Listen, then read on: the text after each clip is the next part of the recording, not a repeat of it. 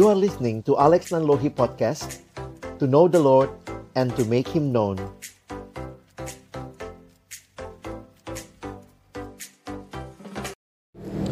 Mari Bapak Ibu yang dikasihi Tuhan Sebelum membaca merenungkan firman Tuhan Kita akan berdoa. Let us pray. Father God we thank you for this wonderful opportunity For us to celebrate Jesus birthday. And we praise you because of your marvelous words and also marvelous actions in our world. And we pray as we open your words, please also open our hearts that we may not only become the hearer of your words, but also the doers of your words. We pray this in Jesus' most precious name. Amen. Shalom. Selamat malam Bapak Ibu Saudara yang dikasihi Tuhan. Merayakan Natal itu berbahaya. Kenapa? Ada satu artikel yang saya baca beberapa tahun lalu mengingatkan bahwa sering kali orang merayakan Natal tapi kehilangan makna Natal itu sendiri. Karena itu waktu kita merayakan Natal bersama-sama malam ini, marilah kita fokuskan hati kita untuk sama-sama akan belajar apa yang firman Tuhan sampaikan sesuai dengan tema yang diberikan kepada kita malam hari ini. Sebab dia lahir untuk kita. Saya mengajak sama-sama kita akan melihat bagian firman Tuhan. Bisa tolong next. Kita akan membaca di dalam kitab Yesaya pasal yang ke-9 ayat yang pertama sampai dengan ayatnya yang keenam ya. Yesaya pasal 9 ayat 1 sampai dengan ayat yang keenam. Mari saudara boleh mengikuti di layar akan tampil berbahasa Inggris dan saudara kita baca dalam bahasa Indonesia. Silakan kalau ada di HP mungkin mari kita buka sama-sama. Kita akan membaca ayat 1 sampai dengan ayatnya yang keenam. Saya baca ayat 1, saudara yang menemukan baca ayat yang kedua, kita bergantian sampai ayat yang keenam. Bangsa yang berjalan di dalam kegelapan telah melihat terang yang besar. Mereka yang diam di negeri kekelaman, atasnya terang telah bersinar.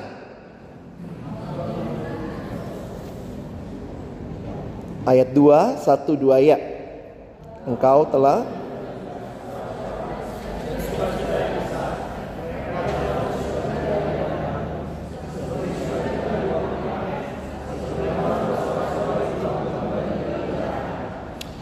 Sebab kuk yang menekannya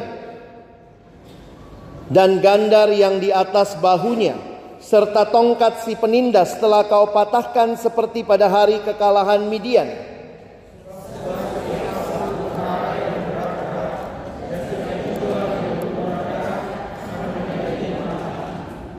Sebab seorang anak telah lahir untuk kita, seorang putra telah diberikan untuk kita Lambang pemerintahan ada di atas bahunya dan namanya disebutkan orang penasehat ajaib, Allah yang perkasa, Bapa yang kekal, Raja damai.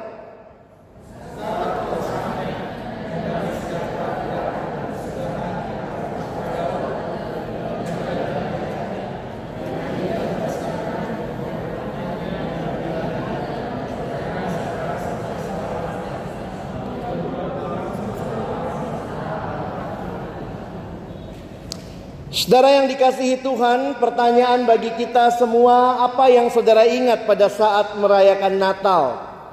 Kadang-kadang Natal mengingatkan kita kepada hal-hal berikut. Next. Apakah ini kemeriahan Natal yang kita ingat? Makanya kalimat dari hamba Tuhan yang saya baca artikelnya dia katakan merayakan Natal itu berbahaya. Bahkan mungkin katanya kalau Yesus datang dan ikut Natal kita sekarang, Yesus pun akan terbengong-bengong kagum saudara. Kalau Yesus bisa bertanya, apa hubungannya semua ini dengan aku? Apa hubungan Yesus sama Santa Claus? Saudara sepupu? Tidak. Apa hubungannya Yesus dengan Rudolph the Red-Nosed Reindeer? Apa hubungannya Yesus mungkin dengan siapa sekarang? Olaf?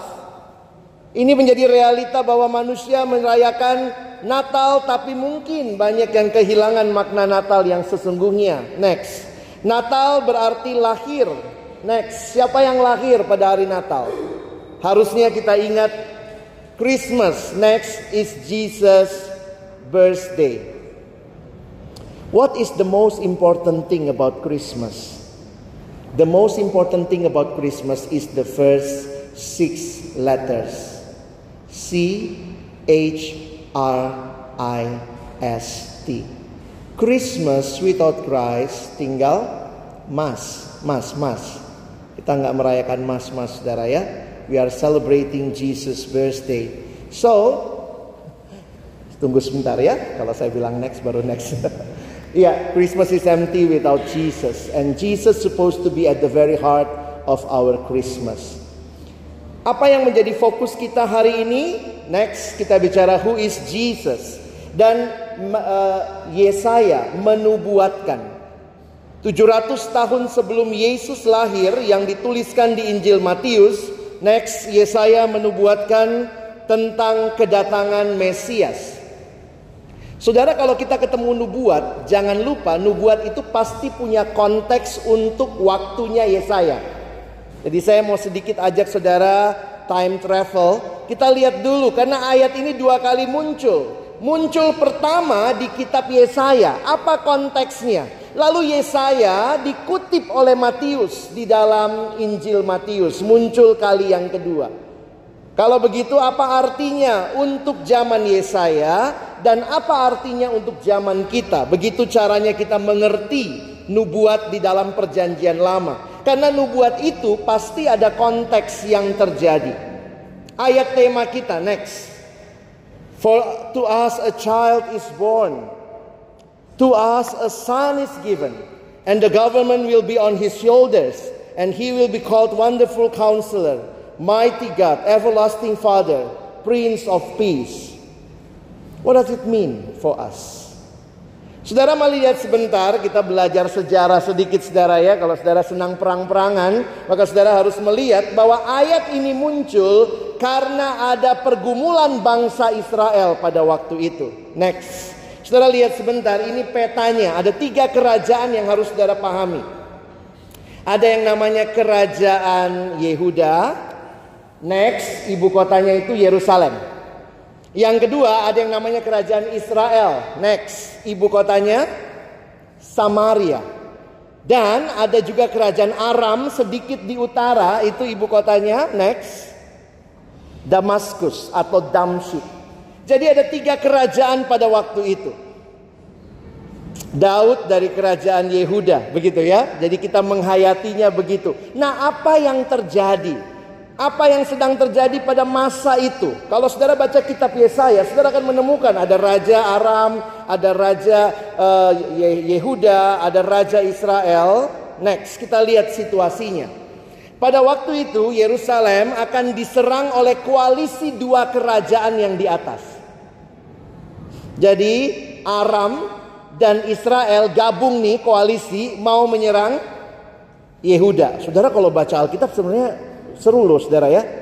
Kalau kita baca dengan pengertian, wow, ada hal-hal yang menarik terjadi di sana. Next, apa yang terjadi? Damsyik atau kerajaan Aram dan Samaria menjadi ancaman bagi Yehuda. Karena pada waktu itu Yehuda menolak ajakan Aram dan Israel untuk melawan Asyur. Loh, ini siapa lagi Asyur? Pada masa itu, next kita mesti lihat peta sebentar saudara ya. Orang Siemens kan suka traveling ya. Saudara lihat, pada waktu itu ada kerajaan Asyur yang mulai besar. Itu sebelah sana itu ya. Assyria itu. Lalu kemudian orang-orang ya di situ ya Orang-orang ini takut sementara next. Saudara lihat ya, itu di sini tiga kerajaan tadi di situ. Jadi dua kerajaan ngajak Yehuda, ayolah sama-sama kita koalisi karena takut Asyur datang. Takut Asyur datang menyerang. Nah, next saudara ya. Raja Ahaz itulah raja Yehuda yang ketakutan tidak tahu cara tidak tidak mengetahui cara lain untuk dapat selamat kecuali minta tolong. Nah, uniknya malah Yerusalem Yehuda minta tolongnya sama Asyur. Nah, pada waktu itu kan Asyur lagi naik daun, yang lain ketakutan, eh Yehuda malah bikin sekutu sama Asyur. Next. Di konteks inilah Nabi Yesaya diutus untuk memberitahukan kepada Ahaz tidak minta bantuan sama Asyur. Raja Ahaz harus mengingat bahwa perbuatannya meminta bantuan kerajaan Asyur hanya akan membawa kehancuran bagi Yehuda. Tapi Ahaz ini sok rohani saudara. Ahas kelihatannya rohani, cari Tuhan, tapi ternyata dia bertindak atas kehendaknya sendiri. Next, Ahas raja Yehuda malah meminta pertolongan pada Asyur daripada kepada Allah. Tindakan Yehuda berlindung pada Asyur dari ancaman Israel dan Aram merupakan hal yang sia-sia. Inilah manusia selalu cari pertolongan dari yang bukan Tuhan. Next. Karena itu kalau saudara nanti baca Yesaya 8, kita perlu lihat konteksnya nanti ya. Berharap pada manusia itu sia-sia. Tindakan Yehuda berlindung pada Asyur dari ancaman Israel dan Aram disamakan oleh Nabi Yesaya seperti menolak aliran sungai Allah yang memberi keselamatan dan akibatnya Asyur akhirnya jadi gelombang yang justru akan menenggelamkan Yehuda. When they try to find help from another kingdom rather than go and ask God for help, the Bible told us they were in vain. Mereka semua sia-sia. Saudara saya mau mengajak kita melihat dua hal malam ini. Yang pertama kita lihat next. Kita akan melihat pergumulan dunia. Pergumulan dunia yang punya masalah tapi cari pertolongan pada Allah yang salah. Itulah yang dialami oleh bangsa Israel. Apa yang jadi pergumulannya Israel dari Yesaya 9? Next. Inilah manusia yang tanpa harapan, tapi bukan berarti kita itu makhluk yang berharap. Bapak Ibu Saudara sadar atau tidak, pasti kita punya harapan. We are hopeful beings. But the the the basic questions where you put your hope. Karena kita pasti berharap. Pasti ada harapan. Ya kalau ini nggak bisa nolong, saya minta tolong sama dia. Kalau bos divisi ini nggak bisa, saya naik lagi lebih tinggi dari dia. Kira-kira kan begitu ya. Jadi sebenarnya kita selalu pasti punya harapan. Nah pada waktu itu manusia sedang meletakkan pengharapannya pada hal yang salah. Ini problem kita. Manusia cari ala-ala yang palsu. Bapak Ibu kalau ada waktu baca pasal 8 next ya. Bapak Ibu lihat Next, kalau 8 ayat 9, ayat 19, saudara bisa lihat di situ. Yang saya bold. Tuhan kayak ngomong begini, bukankah suatu bangsa patut meminta petunjuk pada Allahnya? Atau haruskah mereka meminta petunjuk kepada orang-orang mati bagi orang-orang hidup? Mereka cari pengharapan dari Allah yang salah. Because human, we are hopeful beings. We always put our hope on someone or something. And the Israelites, they put their hope in false gods. Dipad kepada Allah-Allah yang palsu. Lihat bagaimana Yesaya menyatakan ya. Next, Bapak Ibu lihat ayat yang ke-22. Ini menarik kalau baca bahasa Inggrisnya lebih menarik ya and um, dan aku dan akan melihat ke bumi. Dan sesungguhnya bumi isinya apa? Hanya kesesakan dan kegelapan, kesuraman yang menghimpit dan mereka akan dibuang ke dalam kabut. When you put your hope on earthly things, looking toward the earth, you got nothing. Only darkness Seorang penulis bernama Timothy Keller mengatakan next kalimat berikut. If we look only to the earth and human resources, the darkness only gets worse. Sometimes we think we can do many things without God. But be careful. Keep in our mind. Without man, God is still God. But without God, man, we are nothing.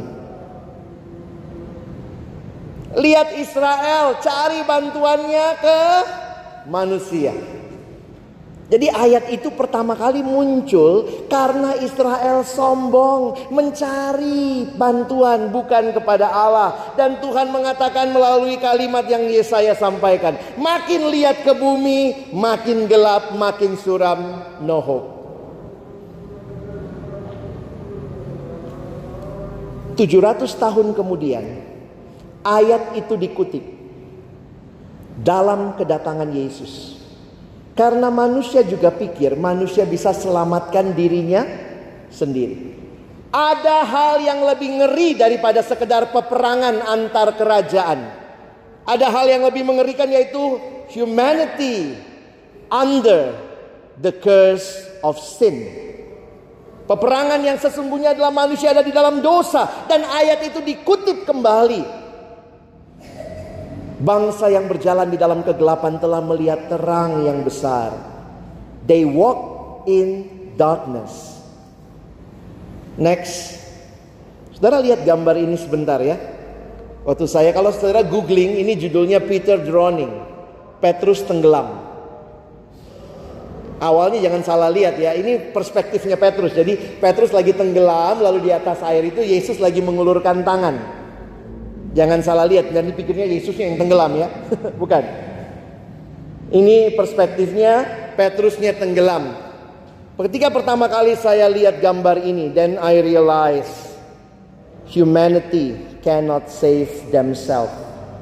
Kita nggak bisa menyelamatkan diri sendiri. Inilah manusia selalu cari Allah yang lain, selalu cari Allah yang lain. We cannot save ourselves. Natal membuktikan saudara dan saya nggak sampai ke surga, benar nggak? Kalau saudara dan saya bisa sampai ke surga dengan usaha kita, Yesus nggak perlu turun, nggak perlu ada Natal. Natal seolah-olah memotong kesombongan kita. You cannot reach God. That's why He came down to reach you and me. Humanity cannot save, cannot save itself. Next, ini yang terjadi sejak Taman Eden ya. Manusia selalu lupa gitu ya. Kita bukan Allah. Ingat loh, kita bukan Allah. Natal seharusnya kita rayakan dengan kerendahan hati, menyadari I am not God. I cannot save myself. If you can save, if you can save yourself, you need no savior. But because we cannot save ourselves, then we need a savior. Christianity is not talking about human humanity come to God. Semua agama bilang apa? Datangi Allahmu. Kristen bilang apa? Allah yang datang kepada kita. Itu iman kita. Next. Our true hope is not from creation, but from the Creator God. Why? Masalah terbesar kita, Tuhan yang bisa selesaikan. Ayat ini muncul pertama kali dalam masalah perang-perangan antar bangsa. When they try to put their hope on other kingdom. But through Jesus Christ, God is saying to us, engkau dan saya harus dilepaskan dari dosa. Next. Apa yang dosa lakukan dalam hidup kita? Ya ini. Dosa membelenggu. Ada peperangan yang lebih ngeri saudara. Peperangan dengan diri sendiri. Yang selalu mau jadi Allah. Itu peperangan yang sama dengan yang ada di dalam Taman Eden. Apa yang terjadi dalam dosa? Next. Lihat, dalam dosa manusia menolak Allah, melawan Allah, berontak kepada Allah, membuang Allah. Memang saudara ya dosa itu bikin kita goblok saudara. Ya. Dosa itu bikin kita terikat, merasa kitalah segala-galanya. Saya kasih contoh saudara ya. Uh, do not try this at home. I just want you to imagine. Ada bapak ibu yang kos di sini. Nah, kalau udah lama kerja mungkin nggak kos lagi ya, udah punya rumah ya. Tapi kalau orang ngekos, mungkin bapak ibu ngomong, oh saya kan nggak kos pak, saya malah punya kosan begitu kali ya. Numpang tanya, kalau kos biasanya orang kalau ngekos itu berapa kamar? Sekamar cukup ya? Atau ada yang sampai ngekos tiga kamar gitu, satu kamar sepatu, satu kamar baju gitu ya. Itu mendingan ngontrak saudara ya. Bayangkan saudara ngekos satu kamar, lalu malam-malam saudara keluar dari kamar kos. Makanya ini do not try this at home, just imagine. Kamu keluar dari kamar kosmu, lalu kemudian saudara memberi pengumuman. Biar agak seru tunggu jam 12 kali ya. Baru bilang begini.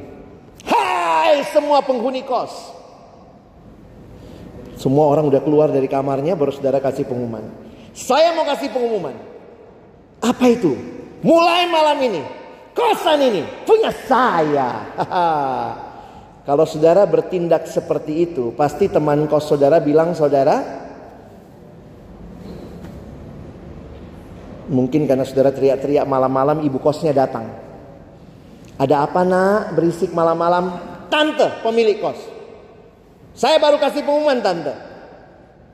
Dua menit yang lalu saya baru bilang. Mulai malam ini. Kosan ini punya saya tante. Pasti ibu kos juga bilang saudara. Gila juga. Dan puncak kegilaanmu malam itu. Saudara katakan. Mulai malam ini. Tante keluar dari sini. Itulah manusia. Logis nggak ceritanya saudara? Siapa yang boleh ngusir? Yang ngekos apa yang punya kos? Di mana-mana yang punya kos yang boleh ngusir. Tapi bukankah itu gambaran dosa? Siapa yang cipta segala sesuatu di dunia? Tuhan. Berarti semua ini punya siapa? Punya Tuhan. Terus manusia bilang apa? Ini semua punya saya. Tuhan dari surga, ih gila. Dan manusia lebih gila lagi. Mengatakan apa? Tuhan keluar dari hidupku.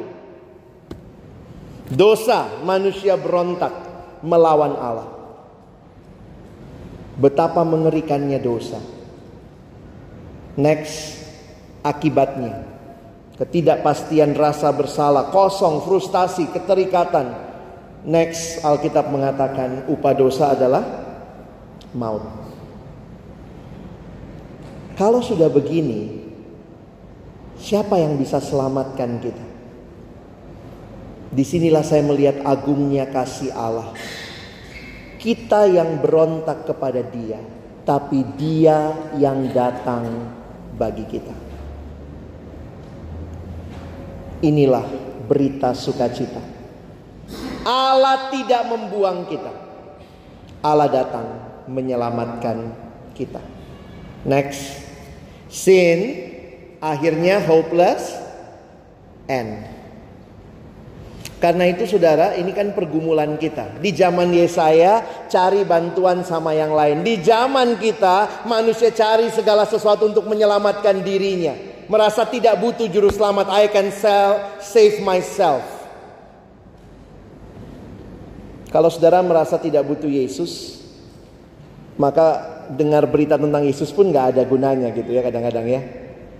Orang itu kalau dia sakit, dia sadar dia sakit, barulah dokter itu rasanya sangat berguna. Tapi kalau orang tidak sadar dia sakit, biar 100 dokter di depannya, I'm fine, I'm okay. Next, kita masuk yang terakhir. Di sinilah kita melihat untuk pergumulan kondisi manusia, Yesus adalah jawaban. Mari lihat sebentar Yesaya 8 next. Yesaya 8 ayat 23. Tetapi tidak selamanya akan ada kesuraman untuk negeri yang terhimpit itu. Kalau dahulu Tuhan merendahkan tanah Zebulon dan tanah Naftali, maka di kemudian hari akan memuliakan jalan ke laut, daerah seberang sungai Yordan, wilayah bangsa-bangsa lain. Barulah ayat pertama. Next. Kita baca sama-sama ya. Satu, dua, ya. Bangsa yang berjalan di dalam kegelapan telah melihat terang yang besar. Mereka yang diam di kekelaman atasnya terang telah bersinar. Sin is our problem. Darkness is part of our consequences of sin. But Jesus is the light. He came into darkness. That's why if you see the, the exact word in the original translation from verse 1, next, I quote from this Timothy Keller. He said, when Isaiah speak of God's, ya, speak of God's light dawning, jadi lihat ya, dia pakai gambarannya matahari muncul. God's light dawning on a dark world. He is using the sun as a symbol. Sun brings life truth, and beauty. Saudara lihat, dari mana terang itu? The light is not from the world. When Isaiah uses, he used the, the symbolic of sun, it means it's come from outside the world. Karena kalimatnya seperti terang terbit. Terbit itu dia pakai ilustrasi matahari. Jadi saudara ini menarik ya kalau kita lihat bahwa Tuhan mau mengatakan terangnya itu bukan dari dalam dunia. Dunianya kan gelap. Tapi seperti matahari. Nah itu indah sekali. Apa yang akan dia lakukan? Perhatikan next. Kalau saudara nanti lihat ayat 2, 3, 4. Tuhan sendiri akan berperang dan memberikan kemenangan bagi umatnya. Perhatikan ayat 2. Engkau telah menimbulkan banyak sorak-sorak dan sukacita yang besar. Mereka telah bersukacita di hadapanmu seperti sukacita di waktu panen. Seperti orang bersorak-sorak di waktu membagi-bagi jarahan. Orang bagi-bagi jarahan kalau pulang dalam kemenangan. Konsep pengertian waktu itu, kalau kerajaan berperang, waktu menang dia pulang bawa jarahan. Dan itu dibagi-bagi, itu tanda kemenangan. Tuhan akan berperang. Perhatikan ayat 3 kuk yang menekan dan gandar yang di atas bahunya serta tongkat si penindas telah kau patahkan pada hari seperti pada hari kekalahan Midian. God will give them victory. And the last one, verse 4. Sebab setiap sepatu tentara yang berderap-derap, tentara kan pakai sepatu, derap-derap ya. Lihat kalimatnya, sepatu-sepatu mereka dan jubah yang berlumuran darah akan menjadi umpan api. The war is over. No need need no war. Bajunya di dibakar, sepatu-sepatu dibakar. Itu tanda apa? The war is over and God is the victor. He is the one who triumphs over all. Indah sekali gambaran ini buat bangsa yang lagi cari pertolongan kepada yang lain. Bagaimana buat kita sekarang? If you trust God, if you put Jesus at the center of your heart, you will also experience God has given you the victory. Next, inilah keselamatan kita. Keselamatan bukan dari kita. Keselamatan dari Allah. Bukan pakai cara kita, tapi pakai caranya Allah. Ini berita sukacita Natal. Dulu di zaman Yesaya, God will end the war. And now, in our time, if Jesus is the Lord and King, the one and only Savior in your life, then He conquered the death, the consequence of sin. We are now walking in His victory. Ini kalimat malaikat kepada Yusuf next ya. Waktu Yusuf berniat menceraikan Maria, malaikat bilang apa? Ia akan melahirkan anak laki-laki dan engkau akan menamakan dia Yesus karena dialah yang akan menyelamatkan umatnya dari dosa mereka. Waktu saya baca ayat ini saudara, saya pikir Yesus kan nggak datang buat orang Kristen ya. Kalau lihat ayat ini Yesus datang buat siapa? Semua manusia berdosa. Jadi sebenarnya siapa yang harusnya rayakan Natal? Orang Kristen. Semua manusia berdosa. Makanya menarik saudara, Yesus kan tidak pernah turun dari surga pakai papan besar maaf untuk kalangan sendiri. Itu kita yang bikin papannya. Dia juru selamat bagi semua manusia yang berdosa. Next, dialah pengharapan. Pengharapan kita bukan dari dunia, bukan dari manusia, tapi dari Allah sendiri. Saya suka kumpul gambar saudara ya. Coba lihat dua gambar ini. Next. Sin is our problem, but the solution is from God. Next. So searching for the answer to life? Jesus, you have found him. Cari di mana nih keyboard S-nya dua begini ya? Itu kepentingan ilustrasi saudara. Satu dekorasi Natal yang paling berkesan buat saya, dekorasi yang dibuat oleh teman saya. Itu dekorasi yang paling sederhana tapi paling memorable bagi saya. Kira-kira dekorasinya kalau saya gambar ulang seperti next ini ya. Di sudut kanan panggung dia cuman gambar, dia bikin palungan. Di sudut kiri panggung dia buat Bukit Golgota. Lalu dia bikin jalan yang panjang. Hanya mau mengingatkan bahwa yang datang itu, sang bayi itu, dia datang untuk menuju ke Golgota menyelamatkan kita. Yesus tidak datang studi banding. Yesus tidak datang studi tour, dia tidak datang lagi live in di sini. Dia tidak piknik di sini. Tapi dia punya tujuan yang jelas untuk menyelamatkan kita. Karena itu saya tutup dengan ayat ini next. Ada empat nama yang saudara dan saya bisa bawa pulang. Kalau kau buka hatimu bagi Yesus malam ini. Maka alami empat hal ini yang jadi tema kita. Yang lahir adalah penasehat ajaib, Allah yang perkasa, Bapa yang kekal, Raja damai. Next, when Isaiah uses four names to describe the Messiah, these names have special meaning to us. So go back home with these names. Pertama, next, he is the wonderful counselor. He is exceptional distinguished and without peer, than the one who gives the right advice. Do you have him as your counselor in your life? Mungkin saudara di perusahaan bisa sangat tinggi posisinya. Tapi do you have a counselor? God himself, he want to walk with you. To give you advice. Yang kedua, mighty God next He is God himself.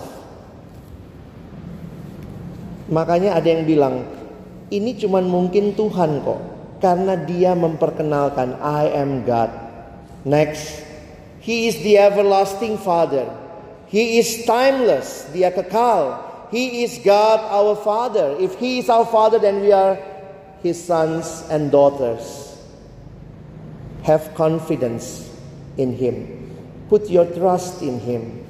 Next, He is the Prince of Peace. His government is one of justice and peace. Itu subtema kita malam ini ya. Maunya bawa justice, bawa memang ya ya di kantor ya kadang-kadang nggak nggak adil ya.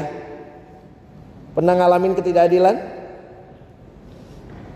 Dalam hidup bermasyarakat sering kali nggak benar. Tapi ketika kita percaya dia adalah Prince of Peace, we experience the peace. Kita pun bisa membagikan itu. Kalimat berikut indah sekali. Next dari Pastor Rick Warren. I quote, Jesus turns your end, hopeless end into endless hope. So how should we respond? Next. Next, bagaimana harusnya kita merayakan Natal?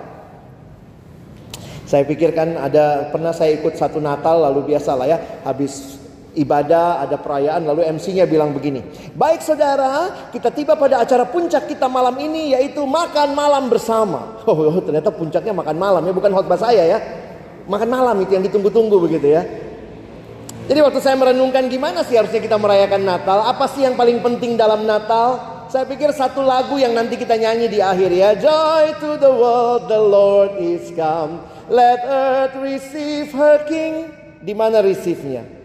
Let every heart prepare him room. Bahasa Indonesia bilangnya apa? Hai dunia gembiralah dan sambut rajamu. Di mana sambutnya? Di hatimu terimalah. Kalau Natal tentang makanan ganti lagunya. Hai dunia gembiralah dan sambut makanan. Di perutmu terimalah makanan yang banyak, makanan yang banyak. Kalau Natal hanya membawa perubahan berat badan, maybe we miss the point of Christmas. Natal bukan sekedar perayaan, tapi Natal adalah perubahan. Are you ready to change your lifestyle? Are you ready to be a blessing for others? Next, lagu ini indah ya, ada lagunya nih. Christmas isn't Christmas till it happens in your heart. Somewhere deep inside you is where Christmas really start. So give your heart to Jesus. You'll discover when you do that Christmas, really Christmas for you. Biarlah Natal ketika saudara buka hatimu bagi Yesus. Alami perubahan itu. Sekarang terang itu telah bersinar di hatimu. Maukah engkau membawa tema ini? Dikatakan di awal tadi, apa subtema kita? Melalui semangat kelahirannya, marilah kita membawa sukacita, membawa terang, membawa keadilan, membawa kebenaran. Natal harus dialami, hidup harus berubah, makin mengalami Kristus, makin kita hidupi tema kita. Di mana saudara? Dalam keluarga, di dalam pekerjaan. Biarlah Kristus mengubahkan kita. Video singkat berikut ini akan menyimpulkan khotbah saya. Kristus hadir. Amazing grace. Biarlah ini boleh kita sama-sama alami. Silakan videonya.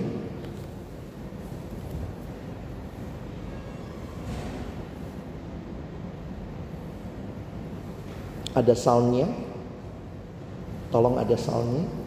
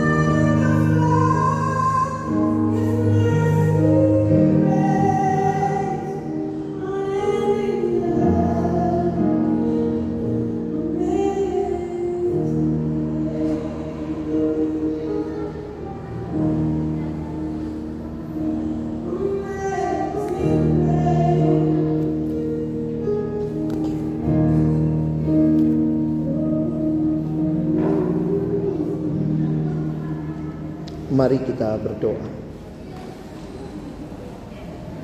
Terima kasih banyak ya Tuhan untuk karya yang genap bagi kami. Kau lahir, menderita, mati dan bangkit sehingga kami yang mati di dalam dosa boleh beroleh hidup yang kekal. Dan kalau Natal itu sungguh kami alami, halaukanlah kegelapan hati kami Tuhan dan biarlah terangmu bersinar di dalam hati kami. Supaya lewat hidup kami ada sukacita yang nampak. Lewat hidup kami ada kebenaran, ada keadilan. Di mana kami hadir, orang boleh melihat Yesus yang hidup di dalam diri kami. Di keluarga kami, di pekerjaan kami, di dalam masyarakat jadikan kami terangmu. Father, we thank you again for your wonderful message in Christmas story. Help us not only to celebrate Christmas, but also to experience Christmas in our hearts. We pray this in Jesus' most precious name. Amen.